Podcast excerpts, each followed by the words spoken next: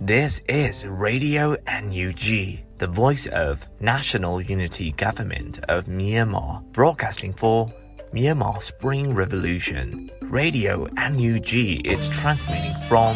shortwave 16 meter 17.79 megahertz at 8:30 a.m. and 25 meter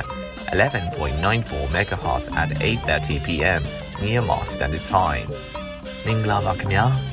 အမျိုးသားညီညွတ်ရေးအစိုးရရဲ့အတန်လွင့်ဌာန Radio NUG ကိုမနက်ပိုင်း၈နာရီခွဲမှာလိုင်းတို16မီတာ7.3 MHz ညပိုင်း၈နာရီခွဲမှာလိုင်းတို25မီတာ17.6 MHz တို့မှာဓာတ်ရိုက်ဖမ်းယူနိုင်နိုင်ပါပြီမင်္ဂလာအပေါင်းနဲ့ပြည့်စုံကြပါစေအခုချိန်ကစပြီး Radio NUG အစီအစဉ်တွေကိုဓာတ်ရိုက်အတန်လွှင့်ပေးနေပါပြီ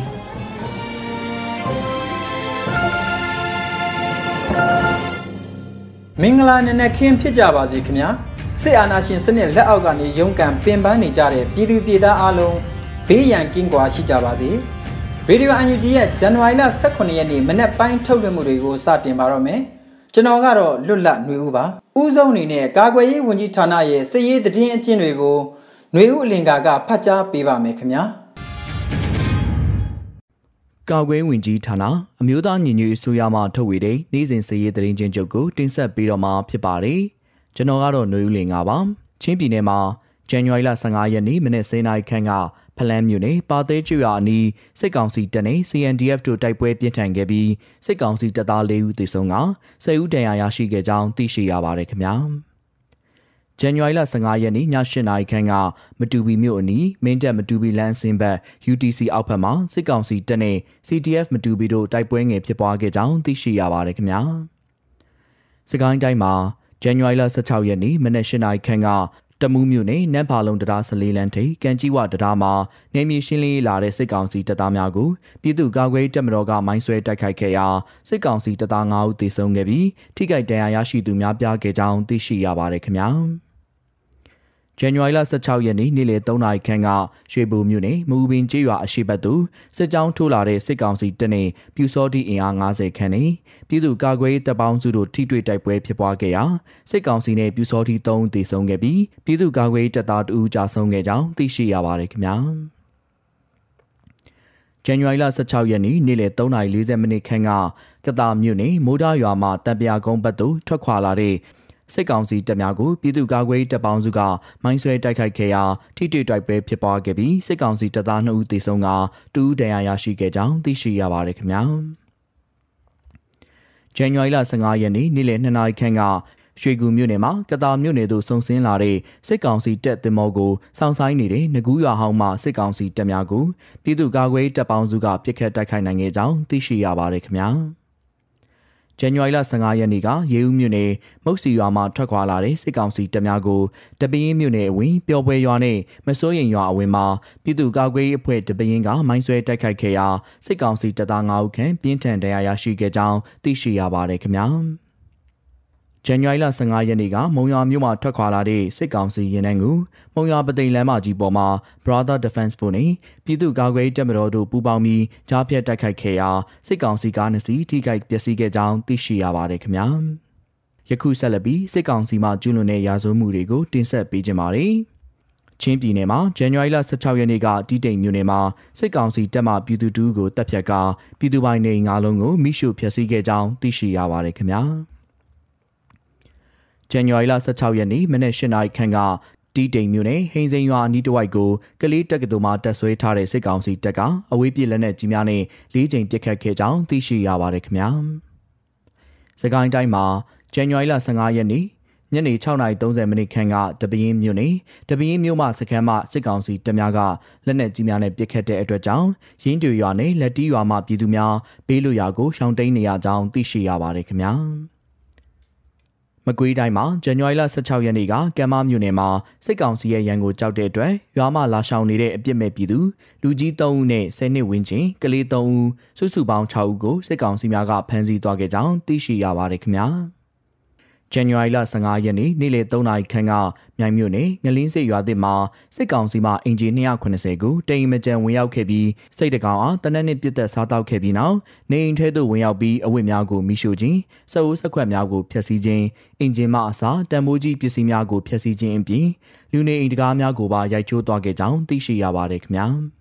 ဇန်နဝါရီလ15ရက်နေ့ညပိုင်းကမင်းလာမြို့နယ်စိုင်းဖျားရွာရှိဒေသခံလူငယ်များနဲ့မူဂျိုဆရာမတူဦးကိုစစ်ကောင်စီများကဖမ်းဆီးသွားခဲ့ကြောင်းသိရှိရပါတယ်ခင်ဗျာ။ဇန်နဝါရီလ15ရက်နေ့ညပိုင်းကရေစကြိုမြို့နယ်ငလန်ကျွေးရွာမှာ NLD အားပေးထောက်ခံသူ3ဦးနဲ့လာသားရွယ်ကလေးငယ်အပါအဝင် CDN ပြုလုပ်ထားသူတူကိုစစ်ကောင်စီတပ်သားများနဲ့ပြူစောထီးများကဖမ်းဆီးသွားခဲ့ကြောင်းသိရှိရပါတယ်ခင်ဗျာ။ မန္တလေးတိုင်းမှာဇန်နဝါရီလ15ရက်နေ့ကနထိုးကြီးမြို့နယ်မန်လေရွာရှိနေအိမ်ဆယ်လုံးကိုအကြမ်းဖက်စစ်ကောင်စီများကချိတ်ပိတ်သွားခဲ့ကြောင်းသိရှိရပါတယ်ခင်ဗျာ။ဇန်နဝါရီလ15ရက်နေ့ကမြင်းချံမြို့နယ်တေပင်ရွာရှိနေနှလုံးကိုအကြမ်းဖက်စစ်ကောင်စီများကချိတ်ပိတ်ခဲ့ကြောင်းသိရှိရပါတယ်ခင်ဗျာ။ ဇန်နဝါရီလ15ရက်နေ့ကမြင်းချံမြို့နယ်ရွာသားရွာကျေးရွာမှာစစ်ကောင်စီများကတောလုပ်ငန်းလုပ်နေသူ100ကျော်ကိုဖမ်းဆီးစစ်ဆေးခဲ့ပြီးယောက်ျားလေးများကိုထိုင်ထ90စီလောက်ခိုင်းကအနည်းဆုံးရွာသား9ဦးကိုဖမ်းဆီးခဲ့ကြောင်းသိရှိရပါတယ်ခင်ဗျာယခုတင်ဆက်သွားတဲ့သတင်းတွေကိုမြေပြင်သတင်းတာဝန်ခံများနဲ့သတင်းဌာနတွေမှာဖော်ပြလာတဲ့အချက်အလက်တွေပေါ်အခြေခံပြုစုထားခြင်းဖြစ်ပါတယ်ကျွန်တော်ကတော့ຫນွေဦးလင်ပါ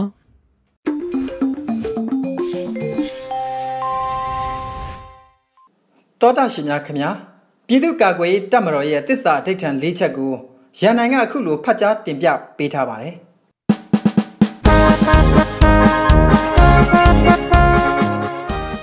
ပြည်သူ့ကာကွယ်ရေးတပ်မတော်ဤတစ္ဆာအဋ္ဌံ၄ချက်ငါတို့သည်ပြည်တော်စုနှင့်ပြည်တော်စုသားများအပေါ်တစ္ဆာစောင့်တည်ပါမည်ငါတို့သည်ပြည်သူလူထု၏အသက်အိုးအိမ်စီးစိမ်ကို ကာကွယ်စောင့်ရှောက်ပါမည် ငါတို့သည် Federal Democracy တိုက်ပွဲတွင် အသက်ပေးသွားခဲ့ရသည့်သူရဲကောင်းများကိုတစ္ဆာစောင့်တည်ပါမည်ငါတို့သည် Federal Democracy ပြည်ထောင်စုတည်ဆောက်ရေးအတွက်ငါတို့၏အသက်ကိုစွန့်လွတ်ရန်အထိတ်ထံပြုပါသည်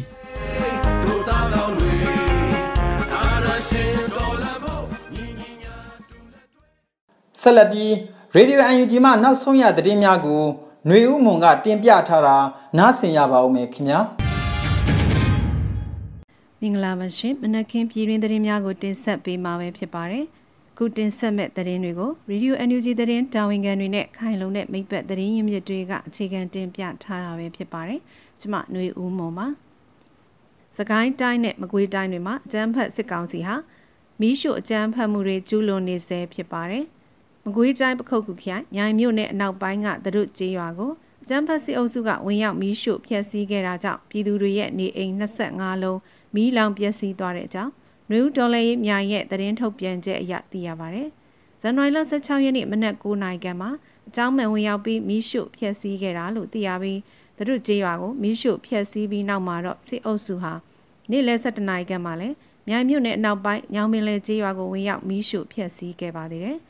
အာနာသိန်းစစ်အုပ်စုဟာတရုတ်ရအတွင်းကိုဇန်နဝါရီလ15ရက်နေ့ညနေပိုင်းကစပြီးဝင်ရောက်ရှောင်ဖွေမွေနောက်ဖျက်ဆီးခဲ့ကြပြီးနောက်တနေ့နနက်ပိုင်းမှာနေအိမ်တွေကိုအခုလိုမီးရှို့ဖျက်ဆီးခဲ့ခြင်းဖြစ်ကြောင်းတိန်းရှောင်ပြည်သူများကပြောပါတယ်။ဇန်နဝါရီလ14ရက်နေ့ကလည်းမြိုင်မြို့နယ်ဇီးပြူစားကောင်းကျေးရွာအတွင်းကိုစစ်ကောင်စီတပ်တွေဝင်ရောက်လာပြီးနေအိမ်အချို့ကိုဖျက်ဆီးသွားခဲ့ပါသေးတယ်။ခုလိုစီရာဇဝတ်မှုတွေကိုဇန်နဝါရီလ9ရက်နေ့ကနေစတင်ပြီးစစ်အုပ်စုကပြောင်ပြောင်တင်းတင်းကျူးလွန်ခဲ့တာဖြစ်ပါတယ်။ မြိုင်မြို့နယ်နေရအနှံ့အပြားကိုအင်အားအများအပြားသုံးပြီးကြေးရွာတွေကိုဝင်ရောက်ရှာဖွေဖမ်းဆီးခြင်းလူယူခြင်းမီးရှို့ဖျက်ဆီးခြင်းလက်နက်ကြီးများပစ်ခတ်ခြင်းများကိုလည်းပြုလုပ်လျက်ရှိပါတယ်။အလားတူပဲစကိုင်းတိုင်းကလေးမြို့နယ်နတ်ချောင်းကြေးရွာကိုဒီဇင်ဘာလအတွင်းကစလို့စစ်ကောင်စီတပ်များဝင်ရောက်လာပြီးကြေးရွာနေအိမ်တွေကိုအကြိမ်ကြိမ်မီးရှို့ခဲ့ကြပါတယ်။မီးရှို့ဖျက်ဆီးခံခဲ့ရတဲ့နေအိမ်စီများကိုအမည်များနဲ့တကွ Natural York Foundation ကဇန်နဝါရီလ16ရက်နေ့မှာစည်ရင်းဖော်ပြခဲ့ကြပါတယ်။ နတ်ချောင်းဒေသခံတဦးကအရင်ကရှုပ်ပစ်ခဲ့တဲ့အိမ်ပေါင်း28အိမ်လောက်ရှိတယ်။နောက်ထပ်အသစ်ရှုခံရတာမျိုးမရှိဘူး။ရွာရင်းချင်းတွေကတော့တချို့တဝက်ပဲရွာထဲပြန်နေရဲကြတာရှိတယ်လို့ပြောပြပါဗျ။ကလေးမြို့နယ်နဲ့ချောင်းရွာကိုစစ်ကောင်စီတပ်တွေဝင်ရောက်အကြမ်းဖက်မှုစတင်ခဲ့တာဒီဇင်ဘာလ22ရက်နေ့ကတည်းကဖြစ်ပြီးထွက်ပြေးခဲ့ကြတဲ့ပြည်သူတွေဟာခုချိန်ထိနေအိမ်များမပြန်နိုင်ပဲတိမ်းရှောင်နေကြရတာဖြစ်လို့ခုဆိုရင်နတ်ချောင်းမှာအင်ဂျီ2000ကျော်စစ်ဘေးရှောင်ဘဝနဲ့ အခက်ခဲမျိုးစုံကိုကြုံတွေ့နေကြရကြောင်းသိရှိရပါတယ်ရှင်။ဒဝဲခရိုင်ကရှေ့နေများချင်းကြောက်ခံနေရတဲ့သတင်းကိုတင်ပြပေးပါမယ်။စစ်တပ်အာဏာသိမ်းကာလအတွင်းမှာအကြောင်းမျိုးမျိုးနဲ့ဖမ်းဆီးခံရသူတွေအတွက်ရှေ့နေတွေဟာကောက်ရိုးတမြင်ပမာလိုက်ပါဆောင်ရွက်ပေးခဲ့ကြပါတယ်။ခုတော့တက်ကြွလှုပ်ရှားသူတွေအတွက်ဒဝဲခရိုင်တွင်းမှာကောက်ရိုးတမြင်ကိုလည်းဆုံးရှုံးကြရအောင်မဲ့အခြေအနေဖြစ်လာပါပြီ။ အာဏာသိမ်းမှုကိုစန့်ကျင်ကြသူတွေဘက်ကလိုက်ပါအကျိုးဆောင်ခဲ့ကြတဲ့ရှေ့နေတွေဟာပါဝါရုပ်သိမ်းလိုက်ကြပြီးတိမ်းရှောင်နေကြရပါတယ်။အကြောင်းကတော့ဒီမိုကရေစီအရေးမှာအားပေးကူညီမှုဆိုတဲ့အကြောင်းပြချက်နဲ့စစ်ကောင်စီကရှေ့နေတွေကိုဖမ်းဆီးတော့မယ်ဆိုတဲ့သတင်းထွက်ပေါ်လာလို့ပါပဲ။ရှေ့နေတွေကိုဖမ်းဆီးမယ်ဆိုတဲ့သတင်းဟာတဝယ်မြို့မှာရှေ့နေတူအဖမ်းခံလိုက်ရချိန်ကစတင်ထွက်ပေါ်ခဲ့ပါတယ်။သူကတော့တဝယ်မြို့ကတရားလွှတ်တော်ရှေ့နေဒေါ်စန္နာချိုဖြစ်ပါတယ်။ ဒေါ်စန္နာချိုဟာပုံမှန်905နဲ့ဆွဲဆူခံထားရတဲ့သူမရဲ့အမှုတွေကိုရှေ့နေလိုက်ပေးနေရကသူမရဲ့နေအိမ်မှာအောက်တိုဘာ18ရက်နေ့ကစစ်ကောင်စီကဖမ်းဆီးသွားခဲ့တာပဲဖြစ်ပါတယ်။သူမဖမ်းဆီးခံရပြီးနောက်မှာပဲစစ်ကောင်စီကဖမ်းဆီးဖို့ရှေ့နေများအမည်စရင်ထွက်ပေါ်လာတယ်လို့ရှေ့နေအချို့ကပြောကြပါတယ်။ခုလိုစရင်ပေါ်ထွက်လာတာဟာသက်ဆိုင်ရာဌာနကတစင်မဟုတ်ပဲရှေ့နေနဲ့နှီးဆက်တဲ့ရဲအပါဝင်တရားရေးအတိုင်းဝိုင်းကတစင်စကားသတင်းထွက်လာတယ်လို့ရှေ့နေချို့ထံကသိရပါတယ်။ ဆီယနာဆက်ကြီးဆန္ဒပြပွဲများမှာရှေ့နေအတိုင်းအဝိုင်းအားလုံးနှိပါပါဝင်ခဲ့ကြပြီးဒီလိုပါဝင်လာတာကလည်းနိုင်ငံတကာအဖွဲ့နဲ့ချိတ်ဆက်ပြီးငွေကြေးထောက်ပံ့မှုများကိုရှေ့နေတွေကလက်ခံခဲ့တယ်လို့ဒေါ်ဆန္ဒချုပ်ကိုထွက်ဆိုစေခဲ့တာဖြစ်နိုင်ကြောင်းအဲ့ဒီလိုအကြောင်းပြချက်တစ်ခုကိုဖန်တီးပြီးအခြားရှေ့နေတွေအမှုမလိုက်နိုင်အောင်တွဲဝိုင်းသောနီးနဲ့ပထုတ်တာဖြစ်နိုင်ကြောင်းရှေ့နေအတိုင်းဝိုင်းကယူဆနေကြပါတယ်ဒီလိုရှေ့နေတွေကိုနာမည်နဲ့တကွဖမ်းဆီးမယ်စီရင်ထွက်ပေါ်လာခြင်းဟာချင်းကြောက်တဲ့သဘောပါပဲလို့ လုံခြုံရေးအရာအမည်မဖော်ပြနိုင်တဲ့ရှင်းနေတူကပြောပါတယ်။ခုဆိုရင်ရှင်းနေအတိုင်းဝိုင်းတစ်ခုလုံးကြောမလုံတော့ပါဘူး။မင်းမြက်စရာရှိလို့လိုက်ခဲ့ပါအောင်ဆိုပြီးမနေ့ကျရင်အလောင်းပြန်ပို့တဲ့စစ်ကြောရေးခေတ်ဆိုမှာရှင်းနေတွေကိုယ်တိုင်ကဥပဒေကိုရင်ဆိုင်မှုတွန့်ဆုတ်ကြတာဖြစ်ပါတယ်။ရှင်းနေတွေဘဝကမလုံခြုံတော့ဘူး။တရားခွင်ကိုလည်းဘယ်သူမှမသွားရဲတော့ဘူးလို့ရှင်းနေတူကပြောပါတယ်။ဒီလိုဆိုရင်ထိတ်လန့်ပြီးရှောင်းတိန်ဂုံကြရတာနဲ့ပတ်သက်ပြီးပုံမွေလင်းလင်းပြောရရင် ကိုဟာကိုစစ်ကောင်စီကိုကြောက်လို့ပြေးတာသာဖြစ်ကြောင်းရှင်းနေတူကဆိုပါတယ်။ကုပဒေကြောင်းရအကာအကွယ်ပေးဖို့ကြိုးစားရင်တရားလွှတ်တော်ရှင်းနေတွေကိုယ်တိုင်ဖမ်းဆီးခံခဲ့ရတဲ့ဖြစ်စဉ်တွေအနက်တစ်ခုကလည်းမတ်လတုန်းကကော်တောင်းမြို့မှာဖြစ်ပွားခဲ့ပါတယ်။တရားလွှတ်တော်ရှင်းနေဦးစင်မျိုးဟာသူ့အိမ်မှာနေထိုင်ရင်းအဲဇင်းစစ်မဲဆိုရကနေစစ်ကောင်စီတပ်ဖွဲ့တွေကမတ်လ30ရက်နေ့မှာဖမ်းဆီးသွားခဲ့တာပါ။ကချင်ပြည်နယ်မြစ်ကြီးနားမြို့မှာလည်းတရားလွှတ်တော်ရှင်းနေဦးသက်ထွန်းဦးဟာ ဇွန်လ2ရက်နေ့တရက်ခွင်အတွင်းမှာပဲဖမ်းဆီးခံလိုက်ရပါသေးတယ်။ဒါအပြင်မန္တလေးတိုင်းမှာတရားလွှတ်တော်ရှိနေ2ဦးနဲ့ငယ်တန်းရှိနေ2ဦးကိုရဲများကမေးစရာရှိတယ်လို့ဆိုပြီးဒီဇင်ဘာလအတွင်းမှာဖမ်းဆီးခဲ့ပါသေးတယ်။ခုလိုရှိနေအတိုင်းဝိုင်းပေါ်ဖိအားပေးချိန်ချမှုတွေကြောင့်ဒဝဲခရိုင်အပြင်ဗိတ်ခရိုင်ကရှိနေတွေလည်းနိုင်ငံရေးအမှုသည်များအတွက်လိုက်ပါအကျိုးဆောင်ပေးခြင်းမရှိတော့ဘူးလို့သိရှိရပါတယ်ရှင်။ မြရီကော့ဂရိတ်အာရှလန်မှာစီကားနှစ်စီးပြစ်ခတ်တိုက်ခိုက်ခံရတဲ့သတင်းကိုတင်ပြပေးပါမယ်။မြရီတာမှာလေကီကိုဒေတာမှာကျန်းဖက်စစ်ကောင်စီလေးတဲ့ရဲ့ဘုံကျဲမှုတန်းကြောင့်ဒေသခံပြည်သူတွေထောင်တောင်းချီတဲ့အထိစစ်ဘေးရှောင်ဒုက္ခသည်တွေဖြစ်ခဲ့ရပါတယ်။နှစ်ဖက်တိုက်ပွဲတွေပြင်းထန်ခဲ့ချိန်မှစလို့လေကြောင်းထိုးစစ်ကြောင့်အပြစ်မဲ့ပြည်သူတွေထိခိုက်သေးကျေခဲ့ရပြီးနိုင်ငံတကာအတိုင်းဝိုင်းနေနဲ့လေကြောင်းပြန်တမ်းမှုကဲမဲ့ဆုံးသတ်မှတ်ပေးဖို့ KNU ကရင်အမျိုးသားအစည်းအရုံးကဒီဇင်ဘာလ20ရက်နေ့ကတောင်းဆိုခဲ့ရသည့်အထိလေကြောင်းတိုက်ခိုက်မှုကစိုးဝါးခဲ့ရပါတယ်။ဒါအပြင်စီးရဲပြစ်မှတ်မဟုတ်ပဲရက်သားပြည်သူတွေတေချေနေရတဲ့လေကြောင်းတိုက်ခိုက်မှုစန့်ကျင်လှုပ်ရှားမှုတွေကိုလည်းကရင်လူမှုအဖွဲ့အစည်းတွေကပြုလုပ်လာကြတာတွေ့ရပါတယ်။လေကြောင်းပစ်ခတ်မှုတွေနဲ့အတူမြေပြင်ကစင်အားကျူးကျော်တူးချဲမှုတွေကြောင့်စစ်ကောင်စီအဓိကအသုံးပြုနေတဲ့မြရီကော့ဂရိတ်အာရှလမ်းမပေါ်မှာလည်းထိတွေ့တိုက်ပွဲတွေမကြာခဏဖြစ်ပွားခဲ့ပါတယ်။ စစ်လေရင်တွေအသုံးပြုဖို့လေရင်စီတည်ရွေးလမ်းကြောင်းများစွာအနက်တစ်ခုဖြစ်တဲ့ဆိုပါအာရှလမ်းမကိုစစ်ကောင်စီကိုအထောက်အပံ့ပေးနေတဲ့တည်ယူပို့ဆောင်မှုများမလုပ်ဖို့ KNU ကတတိပေးတားမြစ်ချက်တွေကိုလည်းလှုံ့ဆော်ခဲ့ပါတယ်။ဇန်နဝါရီလ16ရက်နေ့နေ့လယ်မှာတော့လောင်စာစီတင်ရင်နှစ်စီးပြစ်ခတ်ခံရတာကြောင့်ရင်မောင်း2ဦးသေဆုံးပြီးရင်တစည်းမိလောင်သွားတယ်လို့သိရပါတယ်။အာရှလန်ကွန်ညံခွေကုန်းတက်နေရာမှာဇန်နဝါရီ16ရက်မွန်းလွဲတနင်္ဂနွေကပြစ်ခတ်မှုဖြစ်ပွားခဲ့တာပါ။ မြောက်ရီမြို့ကနေလောင်စာစီတည်ပြီးကော့ဂရိတ်ဘက်ကိုသွားနေတဲ့လောင်စာစီတင်ရင်၃စီးနဲ့နှစ်စီးပြစ်ခတ်ခံရတာပါ။မြောက်ရီကော့ဂရိတ်အာရှလန်ကိုညံခွေကုန်းတက်နေရာမှာပြစ်ခတ်ခံထိတာရင်တစည်းကတော့မီလောင်သွားပြီးရင်မောင်းလည်းမီလောင်သေးဆုံးမှုဖြစ်သွားတယ်။နောက်ထပ်ပြစ်ခတ်ခံရတဲ့ရင်တစည်းမှာလည်းရင်မောင်းကြီးထိမှန်ပြီးနေရာမှာပွဲချင်းပြီးသေဆုံးသွားတယ်လို့ကုကုညီကယ်ဆယ်ရေးလှုပ်ဆောင်နေသူတဦးကပြောပါတယ်။မြောက်ရီကော့ဂရိတ်အာရှလန်မှာပြီးခဲ့တဲ့ရက်သက်တစ်ပတ်အတွင်းကအ ခုဖြစ်စဉ်အပါအဝင်လောင်စာစီတင်ရင်များပြစ်ခတ်ခံရမှုမှာ၄ချိန်အထိရှိခဲ့ပြီးဖြစ်ပါတယ်။အဆိုပါမြောက်ရီကော့ဂရိတ်အာရှလန်မပေါ်မှာလောင်စာစီအပါအဝင်စစ်ကောင်စီအပေါ်အထောက်အကူပြုစေမဲ့လှုပ်ဆောင်ချက်မှန်သမျှကိုမလှုပ်ဆောင်ရန် KNU ကသက်ဆိုင်ရာအသီးသီးကိုအသိပေးထားတယ်လို့လည်းသိရှိရပါတယ်ရှင်။ ရေဒီယိုအန်ယူဂျီရဲ့နောက်ဆုံးရပြည်တွင်းသတင်းများကိုနားဆင်ခဲ့ရတာဖြစ်ပါတယ်။ဆက်လက်ပြီးတော်လိုင်းရေးတေဂီတာတပုတ်နဲ့ဖြောပြေတင်ဆက်ပေးချင်ပါတယ်။တေးရေးတေးဆိုရားပုတ်ရဲ့ Generation XYZ ဆိုတဲ့တေးသချင်းကိုထုတ်လွှင့်ပေးလိုက်ပါတယ်ခင်ဗျာ။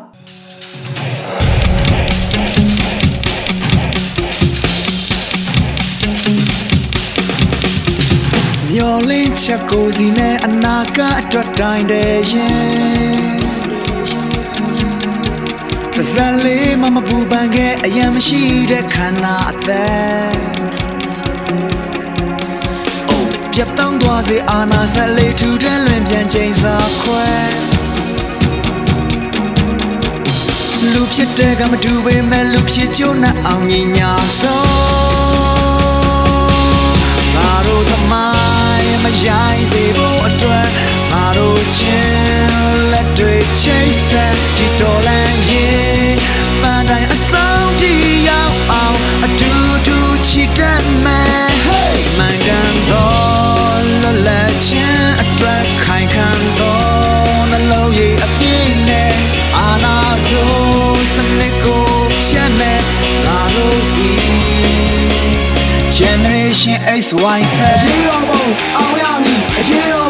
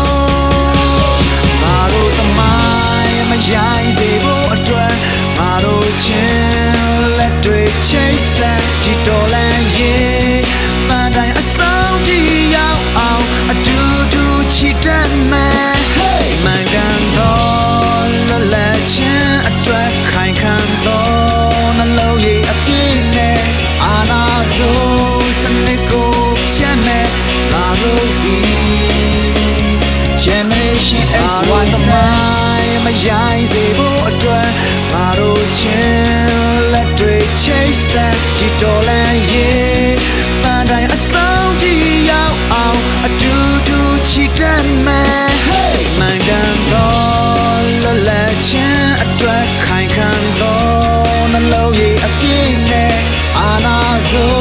စနစ်ကိုဖြတ်မဲ့ငါတို့ဒီ Generation XYZ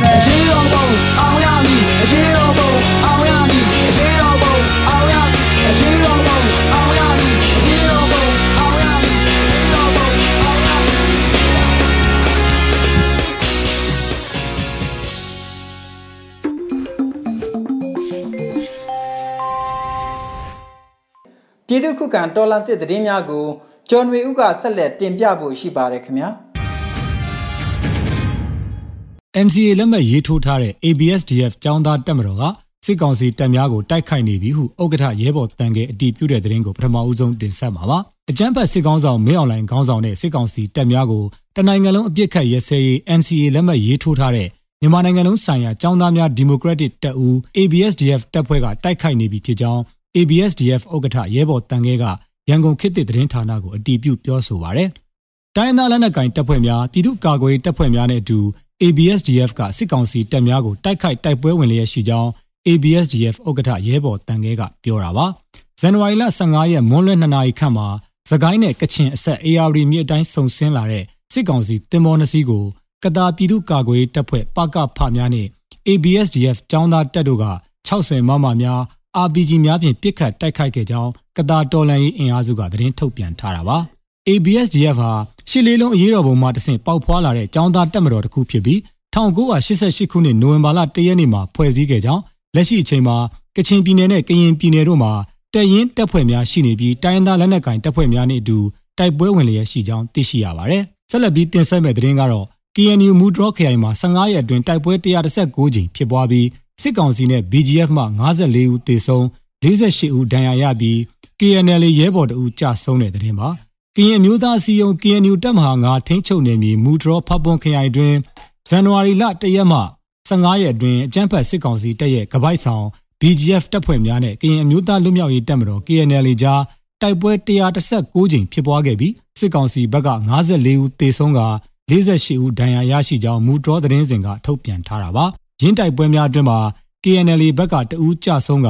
4ဦးဒဏ်ရာရရှိကြောင်းသိရှိရပါတယ်။ဇန်နဝါရီလ2ပတ်အတွင်းအကြမ်းဖက်စစ်ကောင်စီရဲ့စစ်ကား73စီးကို KNL ကဖျက်ဆီးနိုင်ခဲ့ကြောင်းမူတော်ခရိုင်ကမာမောင်းခွေးတင်တဲ့22မိုင်ကြားဒေသနဲ့လူသောဒေသများမှာအများပြည်သူလောက်ကင်စားတောက်နေရများသို့စစ်ကောင်စီမှလက်နက်ကြီးများဖြင့်86ကြိမ်ပစ်ခတ်ခဲ့တယ်လို့လေကြောင်းမှတဆင့်ဘုံများဒုံးကျည်များဖြင့်10လုံးခန့်ပစ်ခတ်တိုက်ခိုက်ခဲ့ကြောင်းစစ်ကောင်စီရဲ့လေကြောင်းတိုက်ခိုက်မှုကြောင့် အပြစ်မဲ့အရက်သား3ဦးသေဆုံးပြီး4ဦးဒဏ်ရာရကြောင်းမူဒရောသတင်းစင်ကထုတ်ပြန်ထားပါတယ်။ရန်ကုန်တိုင်းမြို့နယ်9ခုမှာစစ်ကောင်စီတပ်ဖွဲ့ဝင်များကို PDF ကတိုက်ခိုက်ပြီးစစ်ကောင်စီဝင်2ဦးသေဆုံးကအများအပြားထိခိုက်ဒဏ်ရာရတဲ့သတင်းကိုဆက်လက်တင်ဆက်ပါမယ်။ရန်ကုန်တိုင်းစစ်ဒေသခွဲကုတ်ကဲရေးအဖွဲ့ကဇန်နဝါရီလ10ရက်နေ့မှ16ရက်နေ့တွင်အကြမ်းဖက်စစ်ကောင်စီနဲ့အပေါင်းအပါများကိုတိုက်ခိုက်ခဲ့ပြီးစစ်ကောင်စီတပ်ဖွဲ့ဝင်2ဦးသေဆုံးကြောင်းဇန်နဝါရီလ16ရက်နေ့မှာသတင်းထုတ်ပြန်ထားပါတယ်။ရန်ကုန်တိုင်းစစ်ဒေသခွဲကုတ်ကဲရေးအဖွဲ့ဟာ 9ရက်အတွင်းရန်ကုန်တိုင်းအတွင်းရှိမြို့နယ်9မြို့နယ်မှာပြန်လွှမ်းအောင်စစ်စင်ရေးအနေနဲ့အကြမ်းဖက်စစ်ကောင်စီဝင်များကိုပြစ်မှတ်ထားတိုက်ခိုက်ခဲ့ခြင်းဖြစ်ပြီး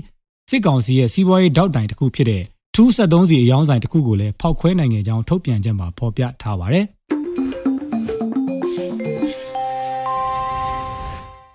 Radio UNG ကဆက်လက်အတန်းလွှင့်နေပါတယ် Public Voice TV ရဲ့နေ့စဉ်သတင်းစုစည်းမှုတွေကို နားဆင်နိုင်ကြပါပြီထက်ထက်အိန္ဒြာအောင်ကဖတ်ကြားပေးထားပါတယ်ခင်ဗျာ အခုပထမဆုံးတင်ဆက်ပေးမှာကတော့အကြမ်းဖက်စစ်ကောင်စီလက်ထက်စီပင်သားရေးကော်မတီတွေစီကဝယ်ယူခရံဖောက်ထားတဲ့မြေကွက်တွေကိုပြည်သူ့အစိုးရတက်လာတဲ့အချိန်မှာပြည်သူပိုင်းသိမ်းမယ်ဆိုတဲ့သတင်းမှာ အကြမ်းဖက်စစ်ကောင်စီလက်ထက်မှာနေပြည်တော်ရန်ကုန်မန္တလေးကမြို့တော်စီပင်သားရေးကော်မတီတွေစီကနေမြေခွက်တွေရောင်းတာဂရန်ထုတ်ပေးတာတွေကတရားမဝင်ကြောင်းနဲ့ပြည်သူ့အစိုးရတက်လာချိန်မှာအဲ့ဒီမြေခွက်တွေကိုပြည်သူပိုင်သိမ်းမယ်လို့အမျိုးသားညီညွတ်ရေးအစိုးရကကြေညာချက်အမှတ်၄မြင်းဆောင်2022ဒီကနေ့ရက်စွဲနဲ့ထုတ်ပြန်ကြေညာလိုက်ပါတယ်။ ထုတ်ပြန်ချက်ထဲမှာအကြမ်းဖက်စစ်ကောင်စီရဲ့လက်အောက်ခံစီပင်သားရေးကော်မတီတွေကစီပင်တရားပိုင်းမြေတွေကိုရောင်းချတာ၊ကြံဖောက်တာတွေစီစဉ်ဆောင်ရွက်နေတယ်လို့ကြားသိရတယ်။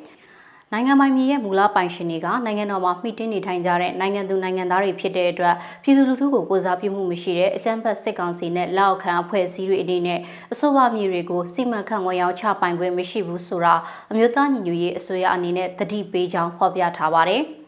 ဒါအပြင်အချမ်းဖက်စစ်ကောင်စီကအာဏာသိမ်းထားတဲ့ကာလအတွင်းနေပြည်တော်ရန်ကုန်မြို့တော်မန္တလေးမြို့တော်စီမံသားရေးကော်မတီတွေကမြေခွက်တေရောင်းချတာ၊ကြံရန်ထုတ်ပေးတာတွေကတရားဝင်မှုလုံးဝမရှိဘဲဆောင်ရွက်နေတာဖြစ်တယ်လို့ဖော်ပြထားပါတယ်။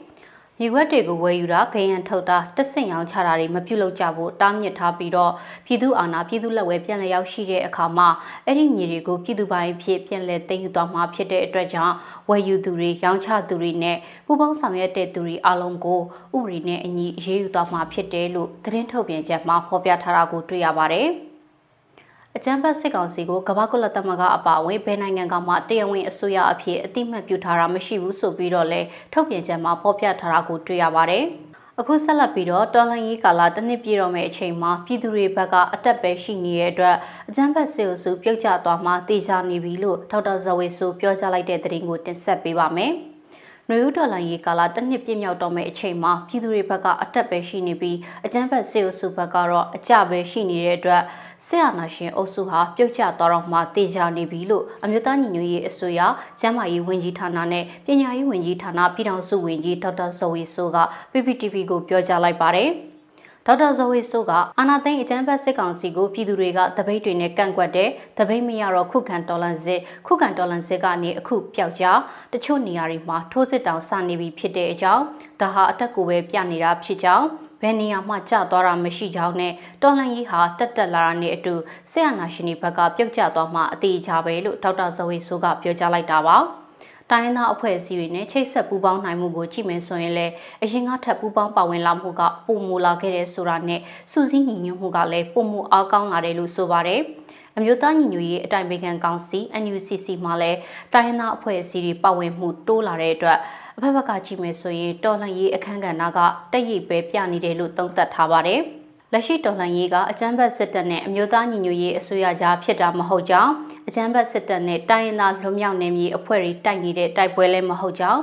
လက်ရှိဖြစ်နေတဲ့စစ်ပွဲတိုက်ပွဲတွေကအကြမ်းဖက်စစ်တပ်နဲ့တရားသောခုခံတော်လှန်စစ်ကိုဆင်နွှဲနေတဲ့ပြည်သူတွေကြားဖြစ်နေတဲ့အကြောင်းကိုလည်းဒေါက်တာဇော်ဝေဆိုးကသုံးသပ်ပြပါတယ်။အကြမ်းဖက်စစ်ကောင်စီအနေနဲ့လက်နက်ကြီးတွေအုံပြုပြီးတိုက်ခိုက်တာတော့မှမြေပြင်မှာစိုးမှုမရတဲ့အတွက်ကြောင့်တိုင်းလီရင်တွေအုံပြုပြီးတိုက်ခိုက်နေရတာဖြစ်တယ်လို့ဆိုထားပါတယ်။ အာဏာသိမ်းပြီးတစ်နှစ်ပြည့်တော့မယ့်အချိန်မှာအကြမ်းဖက်စစ်ကောင်စီအနေနဲ့မြန်မာတနိုင်ငံလုံးအတိုင်းအတာကိုဘယ်လို့မှထိန်းချုပ်မထားနိုင်သေးကြောင်းနဲ့ဒါဟာအကြမ်းဖက်စစ်တပ်ရဲ့အရင်အခြေအနေကအာဏာသိမ်းပြီးတဲ့နောက်ပိုင်းအခြေအနေတွေနဲ့ဘယ်လို့မှမတူတဲ့အကြောင်းအရာတစ်ခုဖြစ်တယ်လို့ပြည်သူတွေရဲ့အောင်ပွဲလို့ပြောရမှာဖြစ်တဲ့အကြောင်းလဲသုံးသပ်ပြထားတာကိုတွေ့ရပါတယ်။အခုဆက်လက်ပြီးအမျိုးသားညီညွတ်ရေးအစိုးရငွေတိုက်စာချုပ်ကိုယ်စားလှယ်တွေကိုထုတ်ပြန်ကြေညာလိုက်တဲ့ဆိုတဲ့သတင်းကိုတင်ဆက်ပေးပါမယ်။ အမျိုးသားညီညွတ်ရေးအစိုးရငွေတိုက်စာချုပ်တွေကိုရောင်းချပေးနေတဲ့နိုင်ငံတကာကိုယ်စားလှယ်တွေရဲ့စီးရင်ကိုစီမံကိန်းဗဏ္ဍာရေးနဲ့ယင်းနှိမ့်မြုပ်နှံမှုဝင်ကြီးဌာနရဲ့ထုတ်ပြန်ချက်မှာတော့နိုင်ငံတကာကအခုဖော်ပြထားတဲ့ငွေတိုက်စာချုပ်ကိုယ်စားလှယ်တွေကိုယုံကြည်စွာဆက်သွယ်ပြီးတော့ငွေတိုက်စာချုပ်တွေဝယ်ယူဖို့အမှားစားတွေတင်ပြနိုင်တယ်လို့လည်းဆိုပါတယ်။အခုဖော်ပြထားတဲ့စီးရင်ကတော့ကျင်ညာဖို့သဘောတူထားတဲ့ငွေတိုက်စာချုပ်ကိုယ်စားလှယ်တွေကိုသာဖော်ပြထားတာဖြစ်ပြီးလုံခြုံရေးအရာလူမှုကွန်ရက်မှာကျင်ညာဖို့အခက်အခဲရှိတဲ့ငွေတိုက်စာချုပ်ကိုယ်စားလှယ်တွေလည်းရှိပါတယ်။ ဒါကြောင့်မိမိတို့ကိုယ်တိုင်စိတ်ချယုံကြည်ရတဲ့ကျင့်ညာခြင်းမရှိတဲ့ငွေတိုက်စာချုပ်ကိုယ်စားလှယ်တွေထံမှလည်းချိတ်ဆက်ဝယ်ယူနိုင်တယ်လို့ထုတ်ပြန်ချက်မှာဖော်ပြထားတာကိုတွေ့ရပါတယ်။အခုတင်ဆက်ပေးမယ့်သတင်းကတော့မြန်မာအရေးကိစ္စနဲ့ပတ်သက်လာရင်ဒေါအောင်ဆန်းစုကြည်ကိုတွေ့ဆုံဆွေးနွေးဖို့လိုအပ်တယ်လို့စင်ကာပူဝန်ကြီးချုပ်ကအာဆီယံအလှည့်ကျဥက္ကဋ္ဌဟွန်ဆန်ကိုတတိပေးလိုက်တဲ့ဆိုတဲ့သတင်းမှာမြန်မာအရေးကိစ္စနဲ့ပတ်သက်တဲ့ကိစ္စမှန်သမျှကိုဆွေးနွေးမှုတွေလုပ်တဲ့အခါမှာ ဒေါအောင်ဆန်းစုကြည်အမျိုးသားဒီမိုကရေစီအဖွဲ့ချုပ်အပါအဝင်သက်ဆိုင်တဲ့သူတွေအလုံးပါဝင်ဖို့လိုတဲ့အကြောင်းစင်ကာပူဝန်ကြီးချုပ်လီရှန်လွန်ကကမ္ဘောဒီးယားဝန်ကြီးချုပ်လည်းဖြစ်အာဆီယံဥက္ကဋ္ဌလည်းဖြစ်တဲ့ဟွန်ဆန်ကိုတတိပေးစကားပြောကြားလိုက်တာပါဇန်နဝါရီ14ရက်နေ့မှာစင်ကာပူဝန်ကြီးချုပ်နဲ့အာဆီယံအလှည့်ကျဥက္ကဋ္ဌဟွန်ဆန်တို့ကြားအွန်လိုင်းတွေ့ဆုံဆွေးနွေးရမှာအခုလိုပြောကြားလိုက်တာဖြစ်တယ်လို့စင်ကာပူနိုင်ငံသားရေးဝန်ကြီးဌာနကမနေ့ကသတင်းထုတ်ပြန်လိုက်တာဖြစ်ပါတယ်။ ဒါ့အပြင်မြန်မာနိုင်ငံရဲ့ငြိမ်းချမ်းရေးလုပ်ငန်းစဉ်တွေအပါအဝင်အာဆီယံရဲ့သဘောတူညီချက်၅ချက်ကိုပူးပေါင်းဆောင်ရွက်လာမယ့်အချိန်ထိအကြမ်းဖက်စစ်ကောင်စီကိုအာဆီယံအစည်းအဝေးတွေကနေဖယ်ထုတ်ထားမှာဖြစ်တယ်လို့လည်းစင်ကာပူဝန်ကြီးချုပ်ကပြောကြားထားပါတယ်။စင်ကာပူအနေနဲ့အစိုးရအဖွဲ့မဟုတ်တဲ့သူတအုပ်ကိုမြန်မာကိုယ်စားလှယ်အဖြစ်ဖိတ်ကြားဖို့ဆုံးဖြတ်ထားတဲ့အာဆီယံရဲ့ဆုံးဖြတ်ကိုပြင်ဆင်ခြင်းနဲ့ဆိုရင်တော့အချက်လက်တည်ယူဆောင်လာခဲ့ပြီးဆွေးနွေးဆုံးဖြတ်ပြီးမှသာရမယ်လို့ဆိုထားပါတယ်။ ဟွန်ဆန်ရဲ့မြန်မာနိုင်ငံခီးစဉ်မှာအကြမ်းဖက်စစ်ကောင်ဆောင်ကငြိမ်းချမ်းရေးအတွက်ပြောဆိုမှုတွေလှုပ်ထားပေမဲ့လည်းဟွန်ဆန်ပြန်သွားတဲ့ရက်ကစပြီးတိုက်ပွဲတွေတောက်လျှောက်လုပ်နေတာအရက်သားတွေကိုတိုက်လီရင်တွေနဲ့ပြစ်ခတ်တပ်ဖြတ်နေတာတွေအပြင်ဒေါအောင်ဆန်းစုကြည်ကိုထောင်ဒဏ်တွေထပ်တိုးချမှတ်ခဲ့တာအပေါ်မှာလည်းစင်ကာပူဝန်ကြီးချုပ်ကထောက်ပြထားပါသေးတယ်။ဟွန်ဆန်အနေနဲ့မြမအရေးကိုစုံဖြတ်မှုတွေလုပ်ချင်ရင်တော့တခြားသောအာဆီယံခေါင်းဆောင်တွေရဲ့သဘောထားအမြင်တွေကိုတောင်းခံရမယ်လို့ဆိုထားပါတယ်။ ဒါအပြင်မြမအရေးဟာသက်ဆိုင်သူအလုံးနဲ့တွေ့ဆုံဆွေးနွေးခွင့်မရတဲ့အတွက်ခက်ခဲရှုပ်ထွေးမှုတွေရှိနိုင်တယ်လို့သတင်းထုတ်ပြန်ချက်မှာဖော်ပြထားတာကိုတွေ့ရပါတယ်။ပြီးခဲ့တဲ့ရက်ပိုင်းမှာပဲအာဆီယံနိုင်ငံသားရေးဝန်ကြီးတွေတွေ့ဆုံဖို့အစည်းအဝေးမှာအကြမ်းဖက်စစ်ကောင်စီရဲ့နိုင်ငံသားရေးဝန်ကြီးကိုဟွန်ဆန်ကဖိတ်ကြားထားတဲ့အတွက်အာဆီယံနိုင်ငံတွေရဲ့နိုင်ငံသားရေးဝန်ကြီးတွေကအကြောင်းမျိုးမျိုးပြပြီးတော့အစည်းအဝေးကိုမတက်ရောက်ဖို့ညှင်းခဲ့တဲ့အတွက်အစည်းအဝေးပြတ်သွားခဲ့ရပါတယ်။